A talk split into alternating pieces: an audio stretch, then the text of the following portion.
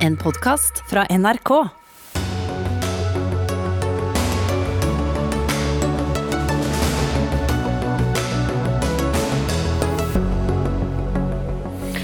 Absurd å stenge ned smittefrie kommuner, mener ordfører. Synes heller Oslo-folk burde bli i hovedstaden. En rekke land har fortsatt satt AstraZeneca-vaksinen på vent, til tross for at både EU og Verdens helseorganisasjon mener den er trygg å bruke. Nye fragmenter av Dødehavsrullen er funnet. De er første funn på 60 år.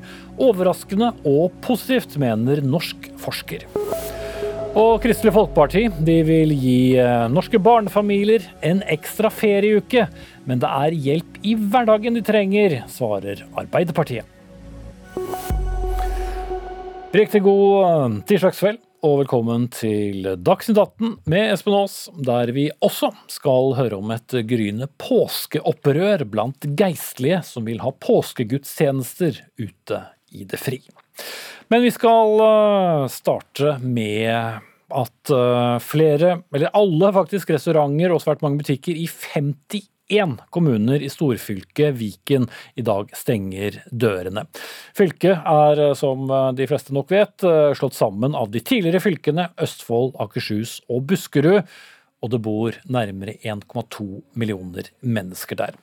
Som mange fikk med seg i går, så er det innført strenge tiltak i alle kommunene i dette fylket pga. frykt for koronasmitte. Men 13 av de 51 kommunene de sa nei til strengere tiltak, men ble ikke hørt. Og du er en av dem som sa nei, Petter Rukke, ordfører i hyttekommunen Hol i Hallingdal. Der er du ordfører for Arbeiderpartiet. Hvorfor ønsket ikke du disse strenge tiltakene? Vi mente jo at det kunne være strenge tiltak, men ikke at det skulle gjelde for hele Viken. Vi opplevde at øvre delen av Viken, med Numedal og Hallingdal, har hatt gode rutiner for å ta imot mye turisme, både gjennom jul- og nyttårshelga og i vinterferie. Og faktisk hele perioden siden 12.3 i 2020. Mm. Men hva er det du frykter mest blir konsekvensene da av denne nedstengningen? For det første så er det jo for næringa. Altså det er jo et alvorlig innhugg i næringa i den regionen vår. Og så kommer jo folk allikevel. Det er oppfordra om å kunne bruke hyttene sine, men uten noe tilbud. Og for andre destinasjoner av samme art som det med, har jo ikke de samme restriksjonene. Så det synes jo, næringa syns det her er ganske utrolig. Mm. Men det er frykt for økonomiske konsekvenser du er med andre ord mest bekymret for? Ja, og om folk her i lokalsamfunnet vårt som da har vært nedstengt i dag uten at det er noe særlig turister. Der skjønner jeg ikke helt hvorfor vi skulle stenge ned i dag med null smitte. Mm. Men dere har altså null smitte, som du har eh, sagt et uh, par ganger. Likevel så ønsker du å ta imot da turister, og mange av dem fra de områdene i Norge med mest smitte, deriblant muterte virus. Hvorfor ønsker du det? Nei, Vi har jo opplevd eh, med de tidligere periodene her, med både jul, og nyttår og vinterferie, god dialog med de store byene og kommunene om at folk som da var smitta eller som venta på svar på smittetesting, holdt seg hjemme og ikke dro på hytta eller på hotellene her. Og det har fungert veldig bra. Valjar Sverse Haugland, eh, statsforvalter, tidligere fylkesmann i Oslo og da storfylket Viken. Hvorfor var det nødvendig at alle kommunene skulle ha like strenge tiltak, også de som ikke har smitte som eh, Hol?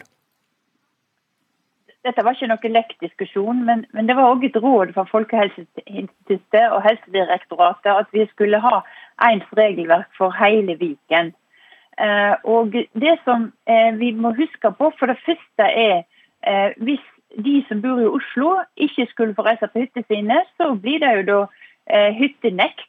Og det er det ingen ordførere i Hallingdal som sa til meg at vi skulle nekte folk å komme til hyttene sine. Så det, det, var nytt for meg at det var et forslag.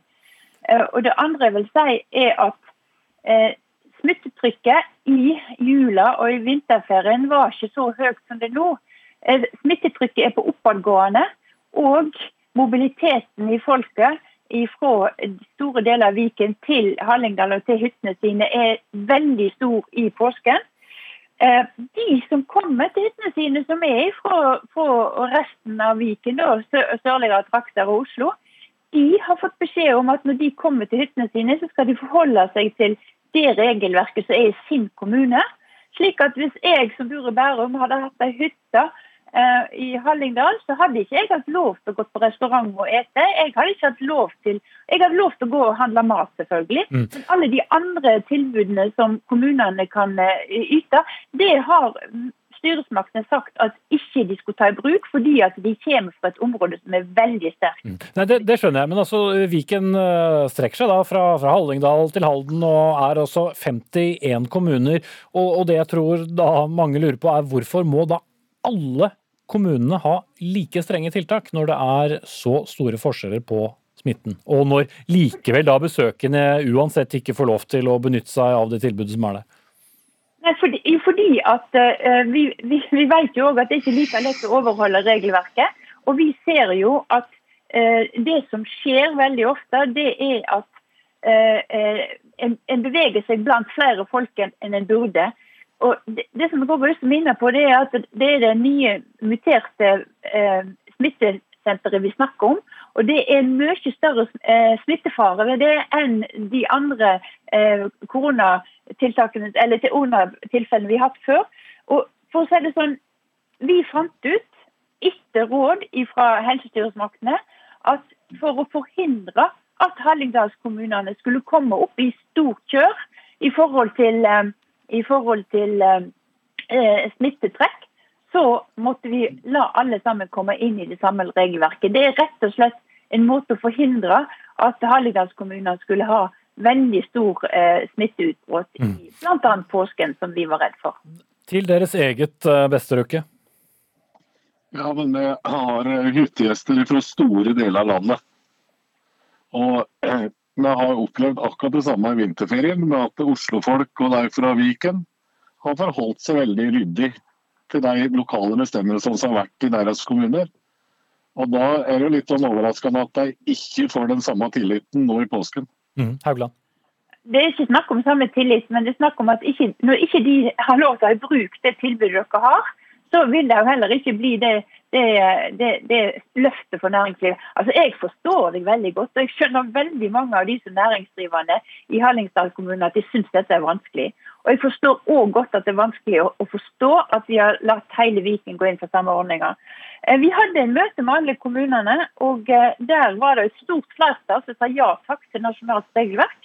Og så var det et, en del av kommunene som sa OK, vi tar det til etterretning, vi liker det ikke, men vi skjønner at dette må til. Og så var det de som sa, sa nei, og da var jo du en av de som, som, ikke ønsket dette. Og det forstår jeg. Men, Men, men I et intervju med VG Valer Kjersti Haugland, eh, beklaget avbryter, men, men, tiden går fort her, så trekker du også frem at flere kommuner kan ha manglende erfaring i å håndtere smitteutbrudd. Hva legger du i det? Ja, altså Det skal ikke veldig masse eh, test, eh, testaktiviteten eller smitteutbrudd før kommunene tar kontakt med oss for å få hjelp. og Det er greit nok. Det, vi er der for å hjelpe dem. Eh, og så må jeg òg understreke at eh, presset på sykehusene, spesialisthelsetjenesten, er veldig stort. Og det er jo klart at eh, Helse Sør-Øst har òg vært med på å bygge opp under de rådene som Helsedepartementet har fått, når Helsedepartementet sa ja til at hele Viken skulle inn for det samme regelverket som da Oslo og, og eh, resten av Viken med større smittetrykk. Mm. Petter eh, Røkke, ta inn deg også eh, mot slutten her. Én ting var nå de forrige høytidene, da var det færre muterte virus. Men vi skal jo huske på hvordan hele dette utbruddet rammet Europa. Det var jo også pga. skiturister fra mange steder som møttes. Har din kommune nok erfaring til å håndtere et smitteombrudd, slik statsforvalteren her peker på at ikke alle har? Utgangspunktet bare med at vi har hatt god erfaring og bygd et utrolig bra apparat i hele regionen vår. Helt ifra utbruddet vi hadde i våres 2020 og fram til i dag. Og vi har ikke hatt følelsen at vi ikke kunne ta imot eventuelt folk og smitte. Men oppfordringa vår har jo vært at de skal holde seg hjemme. Men det er jo mange hyttegjester her som kommer fra andre områder. Og så er det litt merkelig at det er folk da fra Viken som reiser til andre plasser av Viken, der er det faktisk åpent for andre hytteeiere enn de som kommer fra Viken. Mm. Store forskjeller. Takk skal dere ha, Petter Rukke, ordfører i hyttekommunen Hol i Hallingdal. Du tilhører Arbeiderpartiet. Og så hadde vi statsforvalter i Oslo og Viken, Valle Stæsje Haugland, med oss på telefon. Takk skal du ha.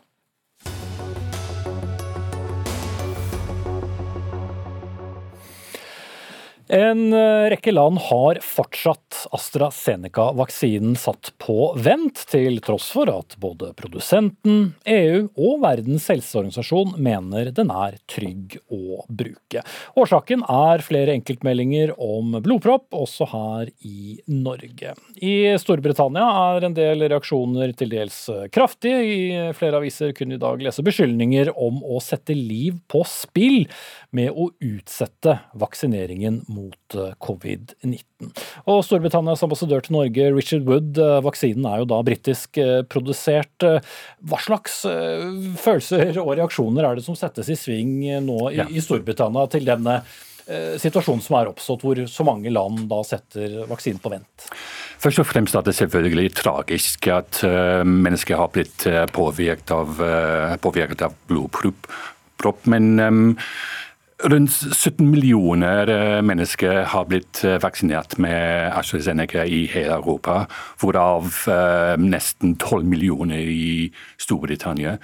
Og det er, bare, det er mindre enn 40 tilfeller av blodpropp, som er egentlig mindre enn vanligvis om, om vi kan se under befolkningen. Så vi mener at um, det er ingen bevis for at um, blodpropp har vært påvirket av uh, årsaken av um, uh, AstraZeneca-vaksinen. Så for oss er det um, trygg, uh, og det er mye farligere å ikke ta uh, en vaksine. Tusenvis av folk i Europa dør av uh, covid hver dag. Mm. Så det er farlig, rett og slett, det som uh, flere europeiske land nå gjør ved å forsinke sine egne vaksineprogram? Jeg har ikke ansvar for andre land. Har ansvar, vi har ansvar for det som vi må gjøre i Storbritannia. Vi er um, overbevist for at vaksinen er trygg, og vi fortsetter med, med vårt vaksineprogram. Mm.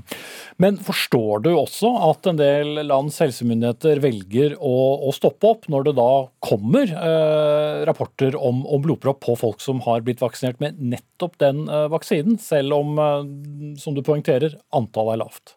Ja, så klart tar um, helse til um, mennesker um, avgjørende.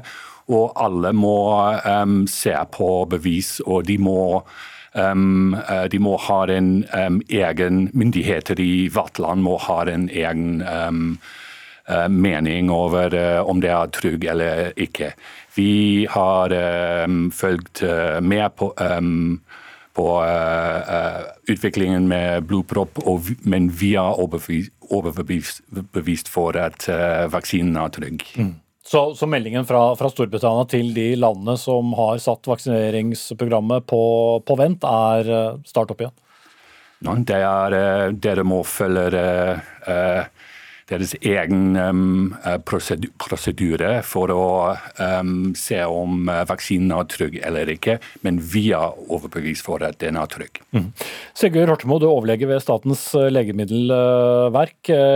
Talenes, tale som vi hører ambassadøren referere til her, 17 millioner vaksinerte og så få tilfeller. Hvordan forklarer du at så mange land, inkludert Norge, har satt vaksinasjon på vent? Ja, altså jeg tror ambassadøren har rett i at når vi ser på de store tallene på eh, blodpropp generelt, så eh, tror jeg det er riktig det at eh, iallfall ikke til nå ikke sett at det er flere enn vi hadde forventet hos de som har fått vaksinen. Men det vi har sett i Norge, det er noe litt annet. Det er, vi har sett et veldig spesielt sykdomsbilde som selv erfarne leger da, på Rikshospitalet sier de aldri har sett. Der det kommer nå unge mennesker som har fått AstraZeneca-vaksinen sånn en 3-14 dager før, som utvikler et med blodpropp og lave blodplater det er noen, og blødninger. Og, og, Det er ikke mange tilfeller, og, og, så de vil liksom eh, de vil skjule seg i de store tall. Så Det illustrerer også at det er to måter vi leter etter bivirkninger på. Det ene er de mer statistiske tilnærmingene, der vi ser opptrer en lidelse oftere enn vi hadde forventet. Men det andre er jo det vi gjør. Vi leser meldingene, og så ser vi etter mønsteret. Og Her har jo også selvfølgelig Danmark var de som liksom så dette først. Eh, så, og så har leger på Rikshospitalet fanget opp flere. Men uh, hva er det som gjør at spesielt uh, AstraZeneca-vaksinen er spesiell? For det er, noe, det er, noe, med hvordan den vaksinen uh, virker litt annerledes enn andre på. fordi når du tar en vaksine, så gir du jo på en måte personen sykdommen i, i, i, en viss forstand. Ja, det er en viss forstand. Altså, det er viktig å understreke foreløpig er det ikke avklart at dette dette sykdomsbildet skyldes vaksinen. Men vi, i motsetning til EMA, syns det er for tidlig å utelukke det. Ja, Det europeiske legemiddelkontoret. Eh, legemiddelkontor, ja. Men, men, det er riktig at det, eh, vaksinen fra AstraZeneca er annerledes enn vaksinen fra eh, Pfizer og Moderna. Med Pfizer og Moderna så gir man oppskriften RNA, pakket i litt fett, mens i disse vaksinene som AstraZeneca og Johnson Johnson og også Sputnik f.eks., der har man satt informasjon inn i DNA i viruspartikler. Mm. Og Dermed så vil altså bivirkninger, som man ofte får uansett, være annerledes fra vaksine til vaksine, ut fra hvordan vaksinen er satt sammen. Det er egentlig det jeg prøver å komme frem til. Ja, det kan de være. Mm. Men uh, så er det jo heller ikke utelukket at det kan være enkeltleveranser til Europa eh, som kan være problemet. og Kan det da også forklare f.eks. For at eh, i hvert fall britiske myndigheter ikke rapporterer eh, noen tilfeller? At ja, det kan det, være noen partier som ikke har vært eh, bra? Det er noe av det en ser på, men, men eh, når vi snakker om sånn produksjonsbatcher, da, så er de tilfellene fra flere ulike batcher. Så vi har kanskje ikke, har ikke så sterk tro på den teorien, men det er sånn at selve eh, virkestoffet for de vaksinene som brukes i England og de som brukes i resten av Europa, de produseres to forskjellige steder. Så er det en liten ting. Eh, etter at eh, man har gått ut med dette nå i Norge og Danmark, så går også andre myndigheter gjennom sine eh, bivirkningsmeldinger og sier, har vi også funnet dette. Og i, i går så publiserte tyske myndigheter at de hadde funnet ved ny gjennomgang flere av disse sykdomstilfellene. Mm. Jeg vet ikke, Richard, du kommentere på, på mulighetene for at uh, det kan være f.eks. enkeltleveranser som uh, kan være problematiske? Jeg vet at du ikke kjenner detaljene på alle leveranser, åpenbart. Jeg er ikke lege, jeg vet ikke. Men vi må snakke med um, AstraZeneca, og alle må um, må uh, forsikre at um, alle doser um, er trygge. Så um, alle myndigheter må snakke med AstraZeneca om, om det kan være tilfellet. Og så har jo Holsmo, EMA, eh, altså det europeiske legemiddelbyrået, som du nevnte, sagt at det ikke så langt er grunn til å tro at det er noen sammenheng mellom vaksinen og blodpropp, men utsetter en endelig avgjørelse til torsdag denne uken. Hvordan skal vi lese dette? Ja, jeg syns jo ikke det er så rart. Altså nå, alle myndigheter har nå fått eh, beskjed om å gå gjennom bivirkningsmeldingene for å se om de har dette fenomenet. Så at man bruker noen dager på å undersøke dette nøye, det syns jeg ikke er rart. Mm. Eh, vi må snakke litt om uh, hva dette har uh, å si for bl.a. Forebygging av skepsis mot koronavaksinen. Så må vi overholde våre smittevernregler i studio. Så takker jeg deg av, Richard Wood, Storbritannias ambassadør til Norge. Og så skal vi få inn Lill Sverresdatter Larsen, som er leder i Norsk Sykepleierforbund. Men jeg vil høre deg om det først, Hortsmo. Hvordan, eller, hvordan tror du dette da spiller inn på skepsisen til vaksiner? For det har jo fått voldsom oppmerksomhet, disse tilfellene rundt omkring i Europa. Ja da, Det, det vil, kommer jo helt an på hva som nå kommer ut av denne gjennomgangen som både vi i Norge og i Europa gjennomgår. Så, men så det kommer helt an på det. Men det vi også er opptatt av, hva vil dette gjøre med tilliten til vaksiner generelt? Og Der håper vi jo at det at vi nå går åpent ut med det vi vet, og trykker på den røde knappen, kanskje heller bidrar til økt tillit. Mm. Lille Sørstad Larsen, altså leder av Norsk Sykepleierforbund. Her hjemme er altså en kvinnelig helsearbeider på under 50 år død etter å ha blitt lagt inn da med blodpropp og lave blodplater og blødninger etter å ha tatt nettopp denne vaksinen. To personer med lignende sykdomsbilde og symptomer får fortsatt behandling på Rikshospitalet her i hovedstaden. Hvordan reagerer da dine medlemmer eller norske helsearbeidere på, på disse nyhetene? Først og fremst er det utrolig trasig med, med, for de det gjelder med, med alvorlige sykdom og død. Og Dernest er det selvfølgelig en uro. Eh, det er AstraZeneca-vaksine og stort sett eh, helsepersonell som har fått. Eh, rundt 100 000 helsepersonell som har fått den første dosen. Så den uroen går egentlig på flere ting. Det ene er på sånn type spørsmål som hva betyr det, får vi dose nummer to, skal det vaksineres med en annen type vaksine, hvordan forskning finnes på eventuelt miksing av vaksine. Det andre spørsmålene som ofte kommer opp, er jo den knytta til forventa bivirkning. Det er en del forventa bivirkninger på det her som gjør at folk kan bli ganske syke, feber.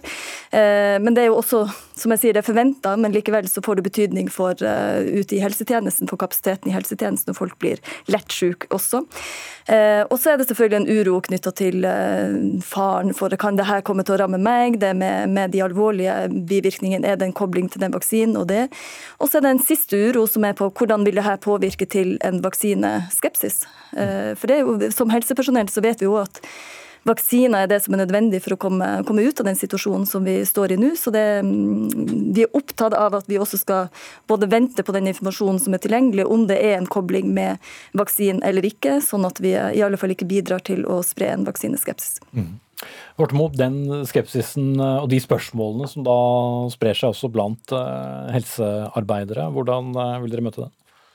Ja, det er, det er ved åpenhet. Jeg tror det er nøkkelordet. At vi og det har vi virkelig prøvd hele tiden, å, å være åpne om det vi finner. og vi, vi vet jo at disse vaksinene er jo øh, såkalt godkjent på en, betinget godkjenning, der man har litt kort observasjonstid. Så vi har vært veldig åpne om at denne overvåkningen av bivirkninger etter at vi tar det i bruk, er ekstremt viktig for disse vaksinene. Mm.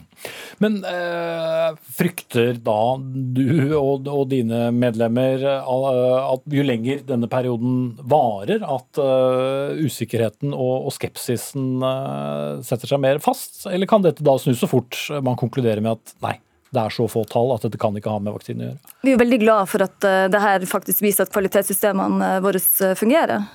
Som du sier, det er trykt på den røde knappen. det er Vaksinene er stoppa, og det gjøres, gjøres, de nødvendige undersøkelsene både nasjonalt og internasjonalt for å se om det er en kobling til vaksiner, en kobling til en eventuell batch, altså produksjonsserie, eller om det er en tilfeldighet som, som, som, ses.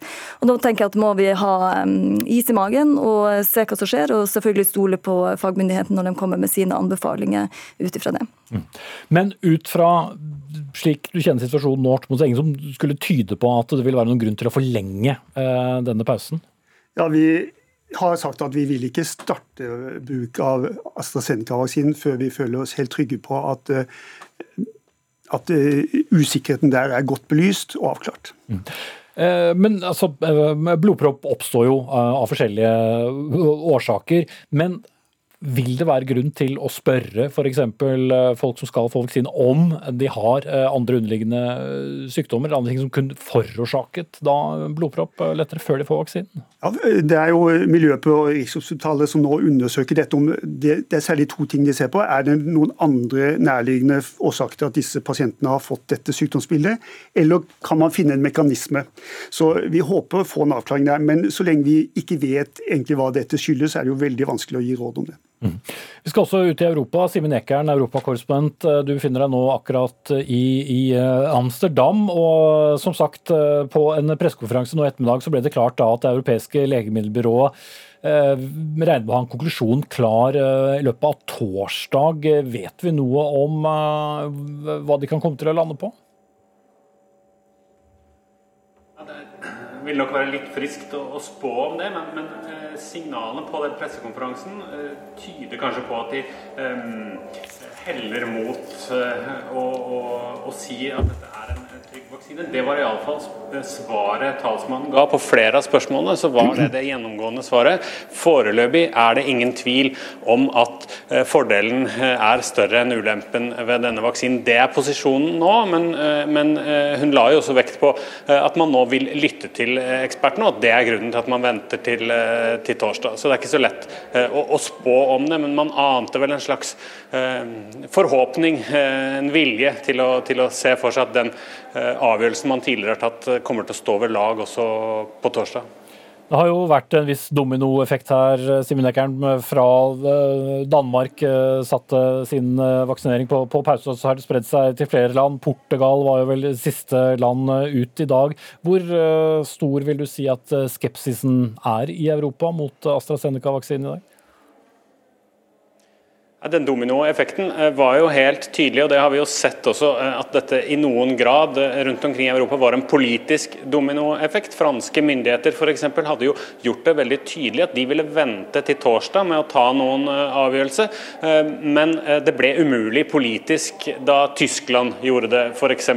Der har representanter for myndighetene i dag sagt at det ville sett forferdelig ut hvis man da skulle ha fått noen effekter, uønskede effekter av denne vaksinen i etterkant etterkant, og man likevel ikke hadde stanset den. Så her har landene fulgt eh, etter hverandre, ikke utelukkende på bakgrunn av egne medisinske vurderinger, men også pga. Eh, politikk. Og så er det jo noen som går motstrøms også. Belgia gjorde det jo klart i dag at de mener det er uansvarlig å ikke fortsette vaksineringen, og, og har dermed valgt å, å, fortsette som planlagt med, med AstraZenecas vaksine. Mm, takk skal du ha, Simen eh, Ekern. Mot slutten, Lill Sverresdatter uh, Larsen.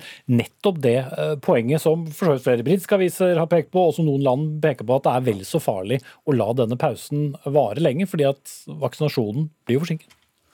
Det er et viktig poeng, som jeg sier, at, eh, som vi alle sammen er helt enig i, at vi er jo avhengig av vaksinering eh, og vaksineringsprosess videre for at vi skal komme ut, ut av eh, pandemien og løse de problemene de utfordringene som ligger der. Så det betyr jo for oss så betyr at det er klart det kommer det da spørsmål er det andre vaksiner som skal prioriteres her nå til, til helsepersonell, og selvfølgelig også til risikogruppen som er. Mm.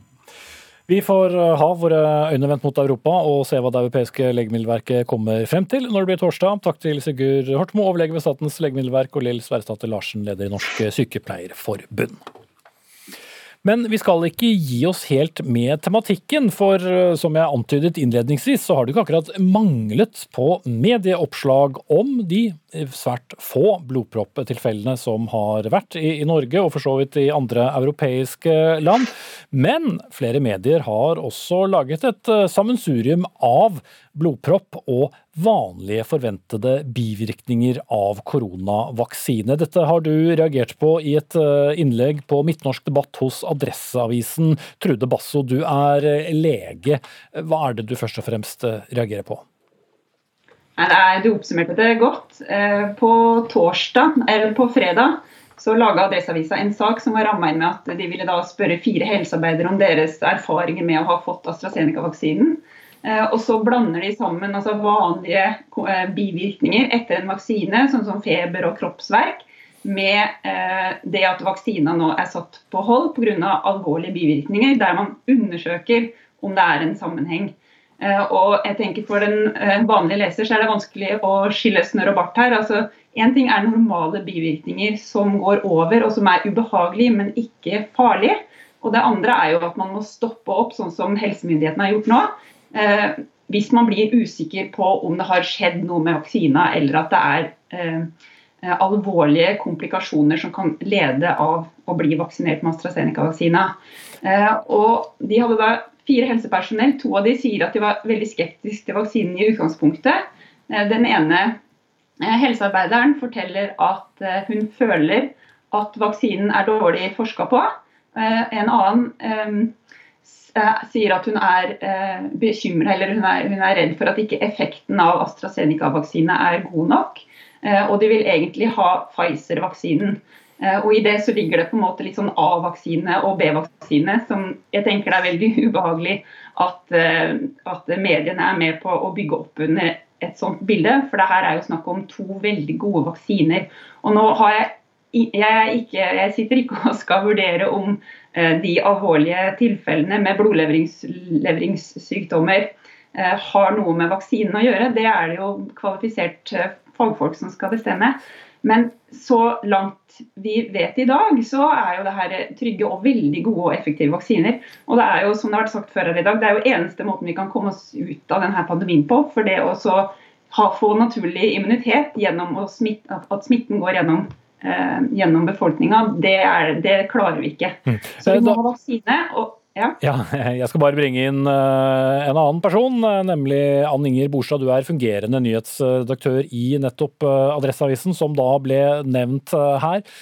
Var det et spesielt godt bilde å, ta inn og intervjue folk med, med vanlige bivirkninger, da det var snakk om da, disse uventede blodpropptilfellene? Jeg kan bare si det at I den konkrete artikkelen som Basso her har reagert på, så ønsker vi å vise at vaksinasjon og bivirkninger knytta til vaksine er en diskusjon som pågår blant helsearbeidere i vår region. Eh, vi ønsker å få frem eh, de opplevelsene der noen er bekymra for bivirkningene. Og så var det jo også sånn at eh, Arbeidet med denne artikkelen påbegynte før nyheten om at Norge pauser vaksineringa med AstraZeneca kom. Vi syns likevel det ble unaturlig å ikke ta med den siste nyhetsvinklinga i artikkelen. Mm. Men det etterlatte inntrykket er jo gjerne vi i mediene litt eh, opptatt av. Eh, blir det etterlatte inntrykket at eh, vi snakker om to forskjellige ting, eller blir det etterlatte inntrykket av at AstraZeneca er en skumlere vaksine? Det er vanskelig for meg å svare fullt ut på et etterlatt bilde. Men, eh, men du må jo gjøre vurderinger som nyhetsredaktør? Ja, selvfølgelig. selvfølgelig. Eh, I tillegg til helsepersonellet som eh, blir intervjua i artikkelen, så har vi jo tatt med SINTEF-forsker eh, Sven Even Borgås, som forklarer at de bivirkningene som helsepersonellet forteller om i denne konkrete artikkelen, er normale bivirkninger. Der kroppen får en immunreaksjon immun, heter det, reaksjon.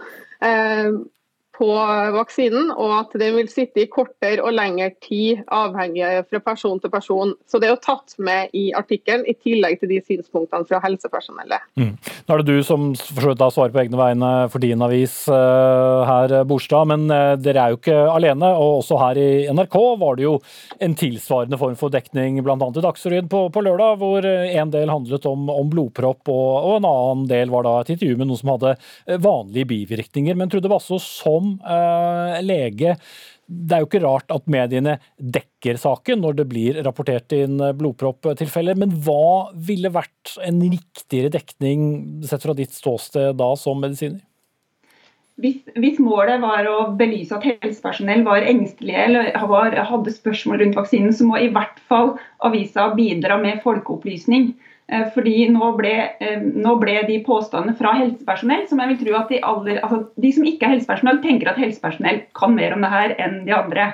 Sånn at det har noe å si. Så når en, helse, en ansatt helsepersonell sier at dette er dårlig studert, eller at dette har dårlig effekt, eller man frykter at effekten er dårlig, da må Adresseavisa eller hvem altså De er jo ikke alene, det var jo mange som du sier, som var inne. Men da må man bidra til folkeopplysning.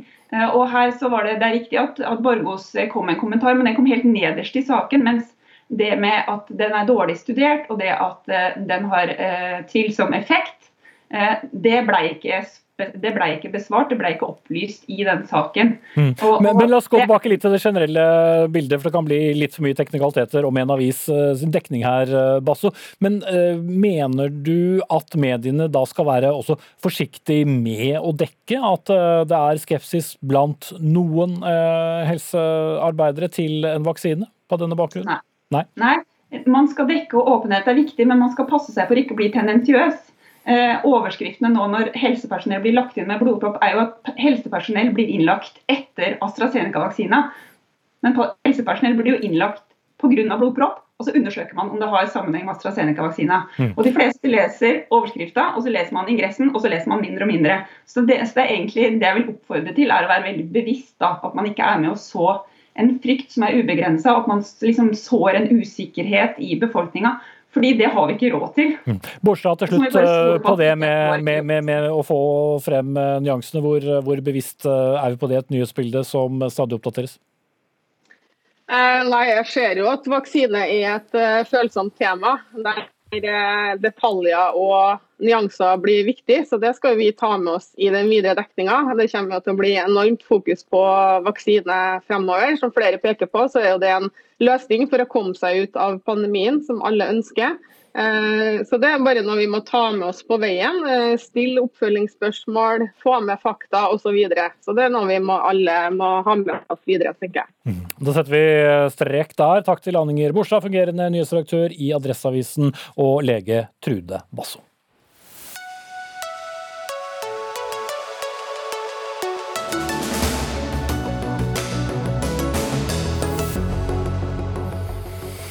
Hei, eh, kjære småbarnsfar eller mor. Ville en ekstra ferieuke sammen være noe som eh, passet? Det frister iallfall KrF med, men Arbeiderpartiet lar seg ikke imponere. De mener familiene trenger hjelp i hverdagen, ikke mer ferie. Dette skal det debatteres mot slutten av Dagsnytt 18. Eh, men nå om et spennende funn som er gjort av israelske arkeologer. Det ble i dag nemlig kjent at det er funnet nye fragmenter rester av dødehavsrullene i en eh, hule i Nahadarga i Israel. Det er kanskje feil å, å, kalle fragmentene nye, i og med at de må være rundt 1900 eh, år gamle, men det er iallfall det første funnet på 60 år. Og for de som ikke husker det, Dødehavsrullene er altså en uh, samling av nær 900 religiøse tekster fra jødisk tro og kultur, og som ble nedskrevet eh, et sted mellom 200 år før Kristus og 70 år etter Kristus. Og flere av dødehavsrullene inneholder også tekster som vi kjenner fra Bibelen. Torleif Elgvin, professor emeritus ved NLA Høgskolen. Du har forsket på, på slike ruller da i, i 30 år. Hva sier du til uh, disse funnene som nå er gjort, de første funnene på, på 60 år? Det er veldig spennende at det fortsatt finnes ting, og Dødehavsrullene ble jo regnet som det viktigste arkeologiske tekstfunn i forrige århundre, som ga nytt lys over bibeltekster, Bibelen, øh, jødisk historie. Og øh, Akkurat, eh, og Nå fant man da flere fragmenter til en bokrull man har visst om før. og De fragmentene fant man i noe som kalles Skrekkens hule. Ja, Hva er dette? Skrekkens hule. Eh, vest for Dødehavet, eh, litt sør for Engedi. Eh, det andre jødiske opprør i annet århundre etter Kristus. Romers, romerne brukte fire år på å knuse opprøret. Eh, jødiske opprørskjempere tok tilflukt i hulene ved Dødehavet. Her hadde 40 av dem, med kvinner og barn, gjemt seg i en hule midt i en loddrett fjellvegg på 200 meter. Og de ble da sultet til døde av romerske soldater i år 134. Og der fant beduinene først, 1952, rester av en gammel gresk bokrull. Eh, arkeologene kom ni år etterpå. Ehm, og arkeologene den gang gjorde tydeligvis ikke en grundig nok støvsuging, så nå har arkeologene gjennomsøkt alle de huler de vet om i Judeaørken, og i to huler en litt lenger nord og i denne her litt lenger sør, fant de viktige ting. Mm. Vet vi noe om disse fragmentene? Altså, det er jo skrevet på forskjellige språk, disse dødehavsrullene. Det er hebraisk, arameisk og, og, da også noen få greske eh, fragmenter. skjønner vi innom. Det er veldig interessant at disse jødiske frihetskjemperne ikke bare hadde hebraiske bibelruller som de satte veldig høyt, men de hadde også greske bibelruller. Og de skrev sine brev til hverandre på papyrus, både på hebraisk eh, og på gresk. Her har vi da en bibeldull fra eh, litt før eh, Kristi fødsel. Som bibelforskerne har eh, hatt veldig mye moro med. moro med, faktisk. Men er det grunn til å tro at disse fragmentene som nå er, er funnet frem, kan kaste ytterligere nytt lys over bibelhistorien? Vi vet jo, det er jo ikke alt fra dødehavsrullene som ble inkorporert i Den hellige bok heller? Du, For å spøke litt, de har funnet fire vers i dag. Et par av de versene kunne vært en passende oppfordring i den norske valgkampen. Eh, snakk sant til hverandre, fell dommer som skaper fred. Tenk ikke ondt eh, mot hverandre i hjertet, og elsk ikke falsk for slikt hater jeg, sier Gud Herren. Mm, så her eh, er det da åpenbart litt uh, gammeltestamentariske tekster som, som kommer opp. da. Men hvis vi skal ta dødehavsrullene som, som sådan, hva er den viktigste nye viten de har gitt oss? Det viktigste nye viten er at Det gamle testamentet var mangfoldig, og at tekstene var ikke ferdig homogenisert eller standardisert um, før ja, etter Kristi fødsel. Eh, så tekstene var flerfoldige, de var under bearbeiding, de var i dialog med eh, hverandre. Det er i hvert fall, eh, Og de var mye mer flerfoldige enn vi hadde trodd før. Er... ja, og, og, bare noen ting ble da valgt ut og, og tatt med, med, i Bibelen, mens det som ble utelatt, kunne gi andre nyanser. Ja, det, det var nok litt uenighet den gangen om hvor grensene for Bibelen var. De var enige om de viktigste skriftene, men en og samme bibelbok kunne eksistere i litt småforskjellige utgaver. Og Sånn var det, og det var greit for eh, de skriftlærde. Eh, kanskje de tenkte at Guds ord kan ha flere ansikter. Så vi tar vare på både to og tre av, eh, av samme kapittel. Mm. Du eh, skulle ha forsket på disse rullene i Jerusalem i fjor. Av åpenbare årsaker så har du ikke fått gjort det. Når regner du med å kunne fortsette arbeidet? Jeg regner med at i løpet av høsten så sitter jeg med digitalt mikroskop over noen fragmenter på laben i Jerusalem, og det ser jeg frem til. Ja, Du gleder deg? Det er alltid spennende, og det er med viss ærbødighet jeg sitter og går i fotsporene til jødiske skrivere for over 2000 år siden. Mm. Takk skal du ha, Torleif Elgvin, professor emeritus ved NLA høgskole.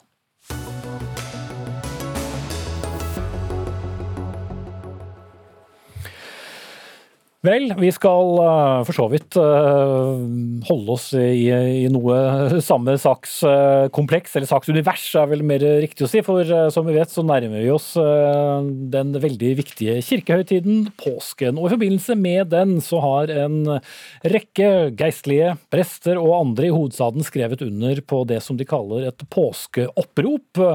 Det skjer i avisen Vårt Land, og der vil de ha vekk forbudet mot utendørs gudstjenester. En av dem som har signert oppropet er deg, Marius T. Mjåland, professor i systematisk teologi ved Universitetet i Oslo.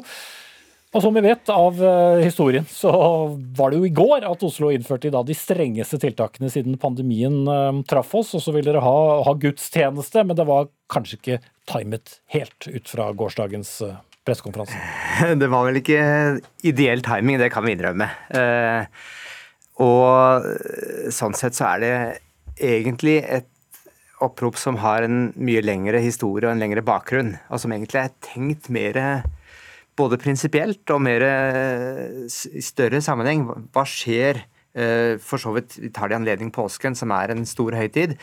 Men hva skjer etter påske? Hva skjer framover? Og hva har skjedd så langt i pandemien, da? Eh. Og der er det mye bekymring om hva som skal skje, både med for så vidt da, det tradisjonelle kirkerommet, men også det at dere vil flytte kirkerommet ut i, i friluft. Det er jo i hvert fall inntil nylig en del aktiviteter kunne foregå, men ikke de dere ønsket. Ja, altså jeg tenker jo fortsatt at dette er en flott mulighet for store deler av landet. Det må ikke glemme at det er Oslo og Viken som har de aller strengeste reglene, og at eh, la oss si Bergen, Trondheim, eh, andre deler av landet hvor det er mindre smittetrykk, så kan man gjennomføre utendørs gudstjeneste på en fin måte. Eh, og hvis været tillater, så kan man eh, møtes, holde god avstand, to-tre meter. og Det fungerer godt. Det har man prøvd allerede bl.a. i adventstiden og julegudstjenester her i byen. Mm. Omar Sami Gamal, du er byråd for kultur, idrett og frivillighet i Oslo fra partiet SV. Folk skal i påsken få lov til å stå i kø sammen i skiheis eh, i flere hyttekommuner. Vi kan stå i kø for å komme inn eh, på polet. Men å høre påskebudskap, eller en gudstjeneste i påsken iallfall, det kan vi ikke engang utendørs. Hvorfor ikke det? Mm. Først må jeg si at jeg er eh, veldig glad og har veldig stor sympati og respekt for det oppropet som er eh, kommet. Det ble dagens først, vil jeg bare si, og så skal du få lov til å svare. Ja, ikke sant. Eh, nei, men det er viktig å si. Eh, og selv om det er litt med, med timinga og så videre, så er det, er det viktig at man, de, de, peker på, på det. Men når sånn situasjonen er nå, så er den svært krevende. Vi ser økende smittetall, vi ser økte eh, innleggelser på sykehus. Vi er usikre på langtidseffektene av, av denne pandemien. Mm. Men vi vet at det å holde avstand er også den aller beste måten å ikke bli smittet på. Og hvis man kan samles med to eller tre meters avstand ute og, og oppleve noe felles, hva går galt? Ja, Det er det som er utfordringa. Vi vet at når eh, mobiliteten i samfunnet øker, når eh, folk møtes eh, ute, utendørs eh, også, eh, så eh, øker mobiliteten, og da øker også smitten i samfunnet. Og Det er det som er den krevende balansen her, her nå. ikke sant? Hvordan er det vi skal klare å ta vare på, på folk i en svært krevende tid, og samtidig klare å få ned smitten. Og Nå handler det om å få ned mobiliteten i, i Oslo. og samtidig klare å ta vare på hverandre. Ja, og hele Viken, to millioner mennesker. Eh, men likevel, Mjøland, Mjåland, hadde alle fulgt disse reglene som vi har fått tuttet ørene fulle på i snart et år, så hadde sannsynligvis også smitteutviklingen vært en helt annen. En ting er å si hva vi burde, noe helt annet er at folk etterlever det. Og det er jo også vært eksempler på at religiøse samlingssteder også har vist seg å være steder hvor det har blitt store smitteutbrudd? Det har vært noen få.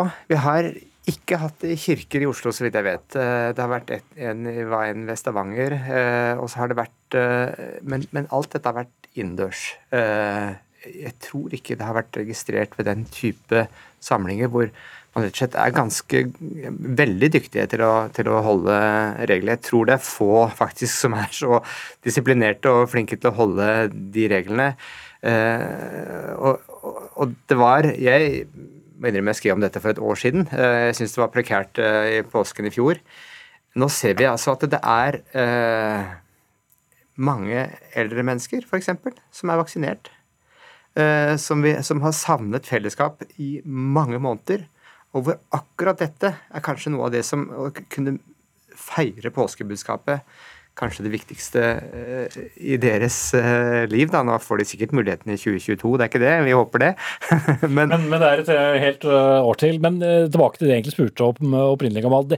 Mm. Fortsatt så er det helt greit at folk får reise fra unnskyld uttrykket, smittebefengte Oslo og reise til å stå i skiheiser og dra ut til hyttekommuner rundt omkring i Norge. Det er greit. Og jeg kan stå sammen med 100 andre i en polkø hvis jeg en eller annen merkelig grunn skulle ønske å gjøre det, men fortsatt gå utendørs og høre en gudstjeneste. Det kan jeg ikke. Hva er logikken? Altså, nå oppfører vi jo folk om å eh, være Holdt på å si være i lokalmiljøene sine, eh, oppholde seg utendørs der. Eh, og så handler dette her rett og slett om mobilitet, og alle de eh, om det er arrangementer osv. som samler folk, de eh, kan øke smitten i samfunnet, og vi ser også at de øker smitten i samfunnet. Og Det er, det er den balansen der da, som er, er veldig, veldig, krevende. Eh, og Samtidig som jeg har, har kjempestor forståelse for, for eh, det eh, initiativet og det ønsket som, som kommer fra, fra prestene her, og den rollen de har i samfunnet for å bidra til at vi kommer oss igjennom. Men For å forstå deg riktig, så er det ikke nødvendigvis arrangementet i seg selv, men det at folk kommer fra forskjellige eh, steder. Den forflytningen eh, som ikke vi helt, helt vet hvordan de vil gjøre, som er hovedproblemet, ikke nødvendigvis samlingen utendørs. Bare for å forstå det både, både, både mobiliteten i samfunnet, eh, som arrangementer fører til, men også arrangementer, eh, det å ha større arrangementer også utendørs, det får vi faglig råd fra de som kan Jeg er ikke jeg er lege, men de som, som kan smittevernet, sier at det, det, kan vi ikke gjøre i den, den situasjonen som vi, vi, står i nå. Mm. Ja, Samtidig, Mjåland, vi, vi har undervist, vi har hatt møter, folk har datet og gjort hva som helst digitalt gjennom dette året. Og det, det har blitt gjennomført en rekke kirkelige arrangementer også digitalt. Kan vi ikke også gjøre det nå? Det kommer helt sikkert til å skje, eh, og jeg tenker det er viktig nok i seg selv. Nå var det en stor begeistring for det akkurat i eh, april-mai eh, i fjor. Den begeistringen er mitt inntrykk har dabbet litt av, altså, over de mulighetene. For det er først og fremst blir man trøtt av å sitte og se på skjerm. Det er ikke det fellesskapet. Og, og her vil jeg peke på en liten som jeg tenker har vært nesten en misforståelse gjennom hele Eller en litt sånn typisk fordom i Norge uh, gjennom hele pandemien at uh, folks åndelige og religiøse behov ikke har vært tatt på alvor. Det har vært mulig, altså det har vært et mas om å trene utover. Jeg skjønner at folk trenger å trene, men uh, religionsfriheten, ser man internasjonalt i hvert fall, så stikker den dypere og er på en måte mer prinsipielt viktig. Den er innskrenket nå, er det det? Det er den, men sånn er det med alle menneskerettigheter. Og, og, og at det er noe begrensning, det er ingen problem å forstå, men jeg ville faktisk si at eh, vi ville ikke fått et stort eh, utbrudd om man sa mellom 11 og 12 søndag påskedag, så tok vi en liten suspensjon på de strenge reglene som jeg fullt ut støtter. Mm. Men det kommer ikke til å skje. Ikke noe vil vel bli åpnet på denne siden av 9. april? Nei, sånn situasjonen er nå, så, så ser det ikke ut som, som, det. Men jeg må bare si altså, det at vi ikke tar, tar det åndelige her på, på, alvor, og Kirken på alvor. Nå har vi jo eh, kirkene fått lov til å å ha åpent. Det er jo nettopp i,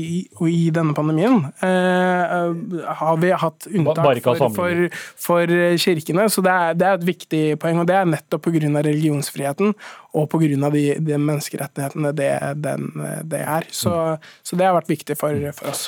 Men samles eh, kan man ikke, og akkurat eh, den sorgen kan nok ikke noen påskemorgen slukke i år. Takk til Omar Sami Gamal, byråd for kultur, idrett og frivillighet i Oslo fra SV, og Marius T. Mjåland, professor i systematisk teologi ved Universitetet i Oslo.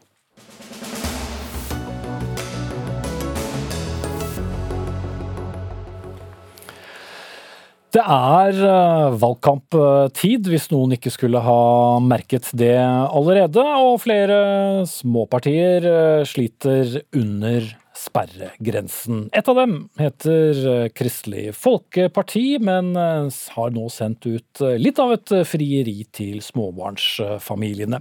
For ikke bare lover de at far skal få en ekstra uke i forbindelse med fødsel, som vi kunne høre i Politisk kvarter her i NRK i morges, men småbarnsfamiliene fortjener også en ferieuke, mener det samme partiet. Og Jorunn Lossius, stortingsrepresentant og medlem av familie- og kulturkomiteen på Stortinget fra Kristelig Folkeparti, Folkeparti. Eh, hvorfor trenger småbarnsfamilier mer ferie enn andre?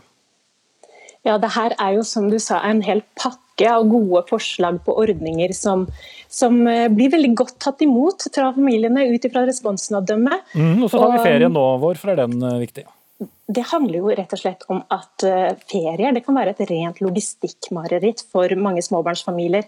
Hvis du bare tenker på skolen sine fridager alene, så er det 60 dager. Og foreldre har bare 25 dager hver, så det her er jo et regnestykke som ikke går opp på noen som helst måte. Og vi ser at mange foreldre da ender opp eh, med å måtte ta ut ferie på skift, og, og kanskje få én uke felles hvis de er heldige, hvis de har noen besteforeldre å spille på. Men for de som er aleneforeldre eller ikke har et nettverk, så er jo det her en enda større utfordring. Mm. Og det her handler jo rett og slett om at vi, vi, ønsker å styrke familien. Vi ønsker å lytte til dem og finne de løsningene på de utfordringene som okay. de har. Dette Trettebergstuen, stortingsrepresentant fra Arbeiderpartiet. En ekstra ferieuke, det var ikke det småbarnsfamiliene trenger, sier du? Hvorfor ikke? Nei, altså For den saks skyld. altså Jeg er ikke prinsipielt imot ferie. Jeg tar gjerne litt mer ferie sjøl, og unner alle hardtarbeidende småbarnsforeldre i tidsklemma mer ferie. Men poenget er jo at vi er politikere, og en sånn reform den må jo betales for. Og Hvis man skal gi alle småbarnsforeldre en ekstra ferieuke, så koster det i underkant av 10 milliarder kroner. Og hvis vi tenker på hva vi da kan få for 10 milliarder kroner, så er det en mye bedre idé å gjøre noe for tidsklemma i det daglige for oss småbarnsforeldre. Og da ville jeg brukt de pengene på enten gratis barnehage, gratis SFO og en helhetlig skoledag eh, med lekselesing og fritidsaktiviteter i skoledagen, sånn at man får mer ro og tid når man kommer hjem.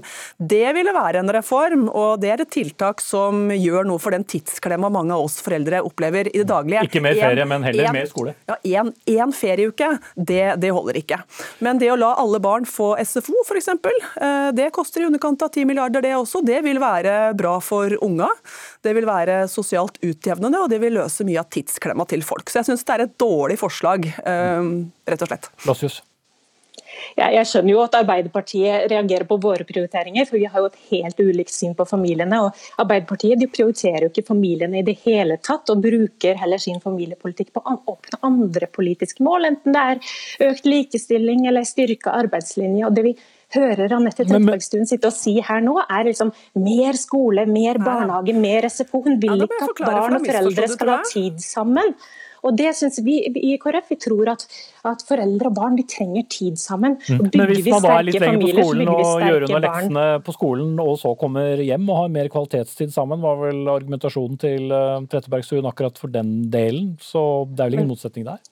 Det er jo ikke det som er utfordringen. Problemet er at Arbeiderpartiet ønsker å ta vekk alle de ordningene som gir familier valgfrihet og fleksibilitet og mer tid sammen. Og så ønsker de å legge flere og flere oppgaver som familien vanligvis har, over på staten.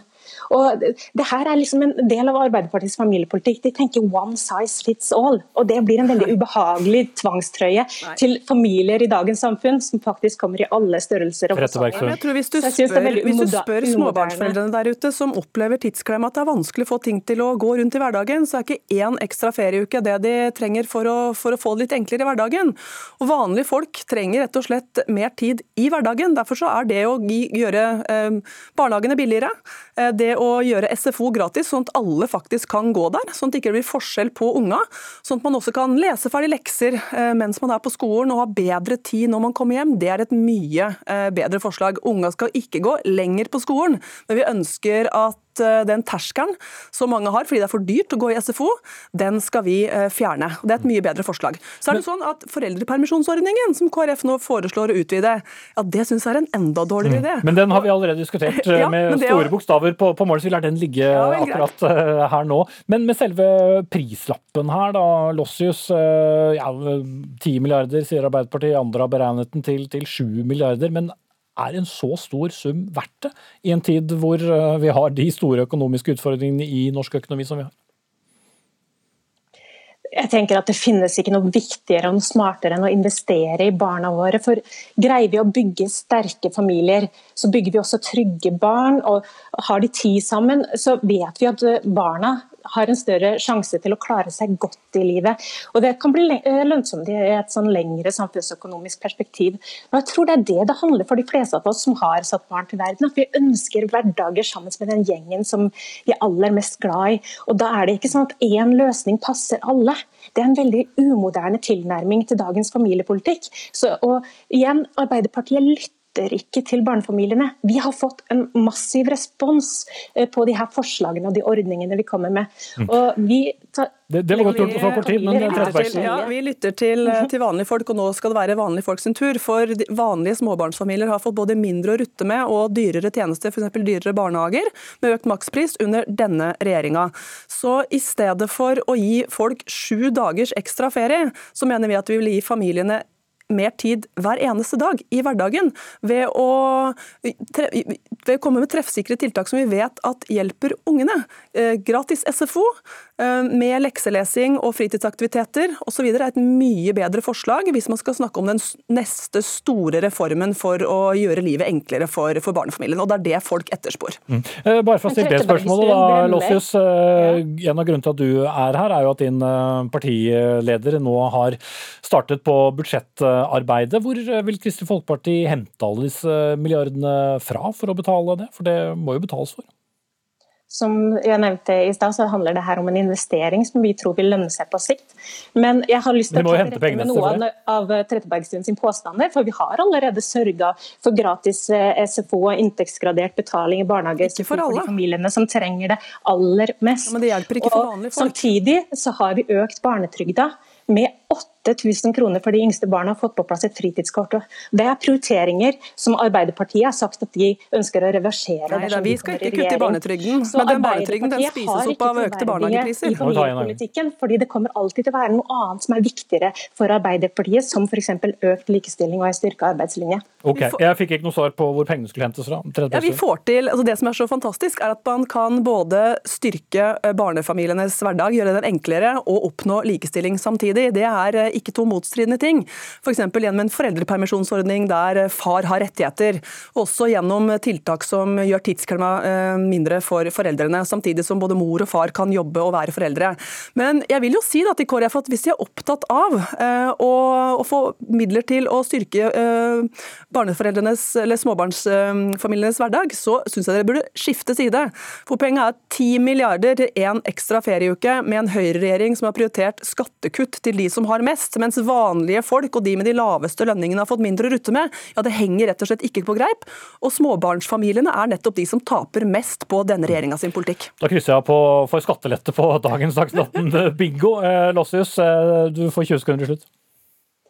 KrF vi bygger vår familiepolitikk på at familier er forskjellige, i motsetning til, eh, til Arbeiderpartiet. og at vi tror at foreldre vet best hva som skal til for at de får sine hverdager og sin tidsklemme til å gå i hop. Så vi tror at det å få tid sammen som familie, det er noe av det beste vi kan gjøre for barna våre. og en, virkelig en investering Da Er det gjentatt. Takk til Jorunn Lossius, stortingsrepresentant fra KrF, og Anette Berg Trettebergstuen fra Arbeiderpartiet. Anne Katrine Førli var ansvarlig for dagens sending. Hanne Lunås tok seg av det tekniske. Jeg heter Espen Aas. I morgen er Sigrid Solund tilbake som programleder i sendingen. Ses da.